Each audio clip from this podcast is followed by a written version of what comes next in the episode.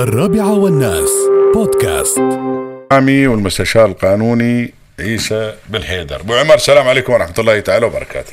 عليكم السلام ورحمة الله يا سيدي؟ وبركاته. الله شو شاء عساك الله. بخير. الحمد لله. فضل رب العالمين. العيال والأهل كلهم بخير إن شاء الله. كلنا بخير. الله يسلمك ويحفظك إن شاء الله. زين هني أنا مساء لفت انتباهي موضوع في الجريدة. قريت بشكل عام فقلت بسألك أبو عمر. آه الزوجة الأجنبية ألزمته تربية الأبناء وفق ثقافتها. شرط في عقد الزواج يحرم آباء أو أبا عربيا من تربية الأولاد. آه، اللي عارف يا طويل العمر إن إحنا أبو عمر في العقد يوم تصير تعقد القران. يعني الواحد يقول لك مؤخر ومقدم وهذا ما ما في يعني ما في أي شروط. هل هناك يجوز إنك تحط شروط في عقد الزواج يا طويل العمر؟ آه وتكونوا ملزمين فيها الطرفين يعني مثلا شرعا. نعم نعم. أنت ذكرتني بقضية من القضايا كانت كانت منظورة في محاكم دبي ما بين زوج أجنبي وزوجته أجنبية. زين. آه زوجوا في كينيا وكان في شرط في عقد الزواج أن تقيم هذه الزوجة وأبنائها في دبي. وديها أحسن لها عن كينيا صدقها فنانه آه هذا العقد كان مكتوب بصورة عرفية في كينيا بيصيرون جي بي ار وبيصيروا دبي مول إيه. ومنه ومنه شو بيسوون؟ بيصيرون في كينيا عوذ كلها أدغال آه، فالزوج قال أنا في كينيا نفقة الزوجة أقل من دبي. كينيا الحياة رخيصة أما في الحياة غالية. زين. فحاول انه يضطر زوجته يرسلها تعيش في كينيا هي والأولاد يدرسهم هناك النفقات خفيفة حياته في دبي. لكن المحكمة طلعت طلعت حكم محكمه الاستئناف دبي. قال دام الاتفاق موجود ومكتوب ويو شهود على الموضوع هذا فأنت ملزم أن ت- أن تعيش في دبي. هي وعيالها في دبي. اذا هذا شرط من الشروط اللي هي لا تحلل حرام ولا ولا تحرر آه، ولا تحرم حلال. بالضبط. هذا يجوز يعني. يجوز. أي زين. شرط؟ عقد الزواج. دام إنه ما يخالف مقاصد الزواج هذا الشرط مسموح فيه. يعني من نعطيك الشروط البسيطة اللي هي مقبولة. زين مثل يعني عطنا أمثلة طويل العمر أعطيك. مثل الزوج والله أنا بتزوج فلكن بشرط يوفر لي مسكن بروحي. ما بسكن عند أهله. آه. تمام؟ أو إني بس ب... أنا بكمل تعليمي. أو إني بشتغل. يعني أو إني أنا مثلا رايلي في ايمان بعيش في دبي مثل كيني بالضبط. بالضبط. بهالطريقة. فهي زين بما يتعلق بحضانة ال- ال- العيال. إذا مثلا صار طلاق ولا شيء باكر أنا أقدر أقول لهم الحين أنا ب ب ب في العقد إذا صار بيني وبينك خلاف العيال يكون الحضانة عندي ولا لا؟ ما يستوي هذا. هذا شيء شيء يعني فاقد الشيء لا يعطيه. دام إنه آه.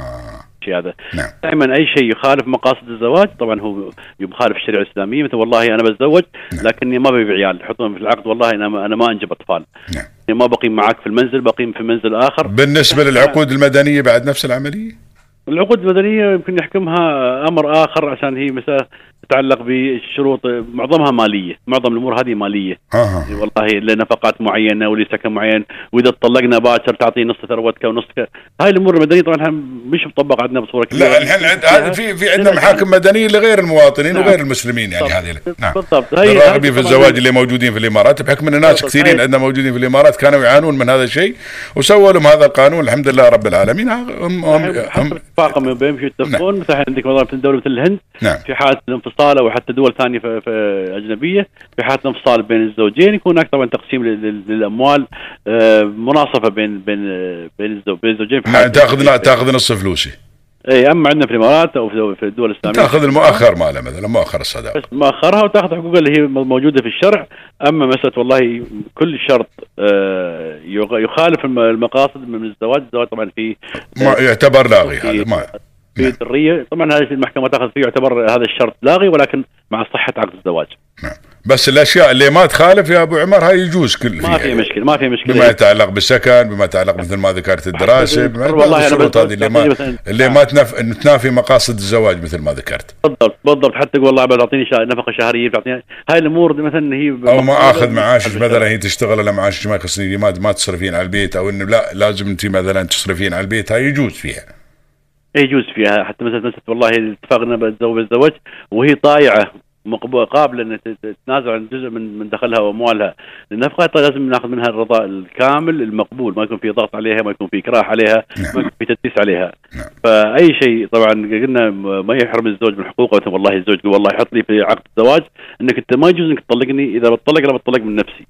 حق من حقه نعم. عرفت؟ نعم. ويتكلمون عن مسألة العصمة. هاي طبعا اشياء مخالفة للشرع الإسلامي. هذه نعم. حقوق موجودة للزوج مقرره في الشرع وفي, وفي الدين نخالف. وتنافي مقاصد الزواج أصلا هذه بعد. بالضبط بالضبط نعم. بالضبط. نعم. الله يطول لي عمرك يا أبو عمر. جزاك الله خير شاكرين. جدا وآسفين. اخذنا من وقتك اسمح لنا. جزاك الله خير. الله يطول لي عمرك. مشكور يا سيدي. يا هلا وسهلا فيك في عبد الرحمن. حياك الله. زين. معلومه أنا والله قلت بستفيد منها يعني. وان شاء الله أتمنى إن الافاده تكون للجميع. ما كنت ما كان عندي معلومة في هذا الموضوع. كانت عندي عارف إنه بما يتعلق بس يعني ما اخر الصداق هذا اللي الواحد إنه ما يكون في شروط يعني. يكون قبل شروط يحطون كم المهر وكذي وهذا هذه معروفة وكم المؤخر بس عقب القانون اللي أصدره سيدي صاحب السمو والمقبول له باذن الله تعالى الشيخ زايد الله يغفر له ويرحمه مؤسس هذه الدولة. الطيبه بما يتعلق بمقدم المقدم ومؤخر الصداقة هذا كان شيء معلوم يعني ما يتعدى الخمسين ألف من مؤخر مقدم. هذا شيء معلوم محكمة لكن يعني يختلف الوضع. بعد إذا أنت تزوجت مثلا وما يجوز بعد تكتب آه، مؤخر كم بس إذا تزوجت أجنبية غير مواطنة. زين؟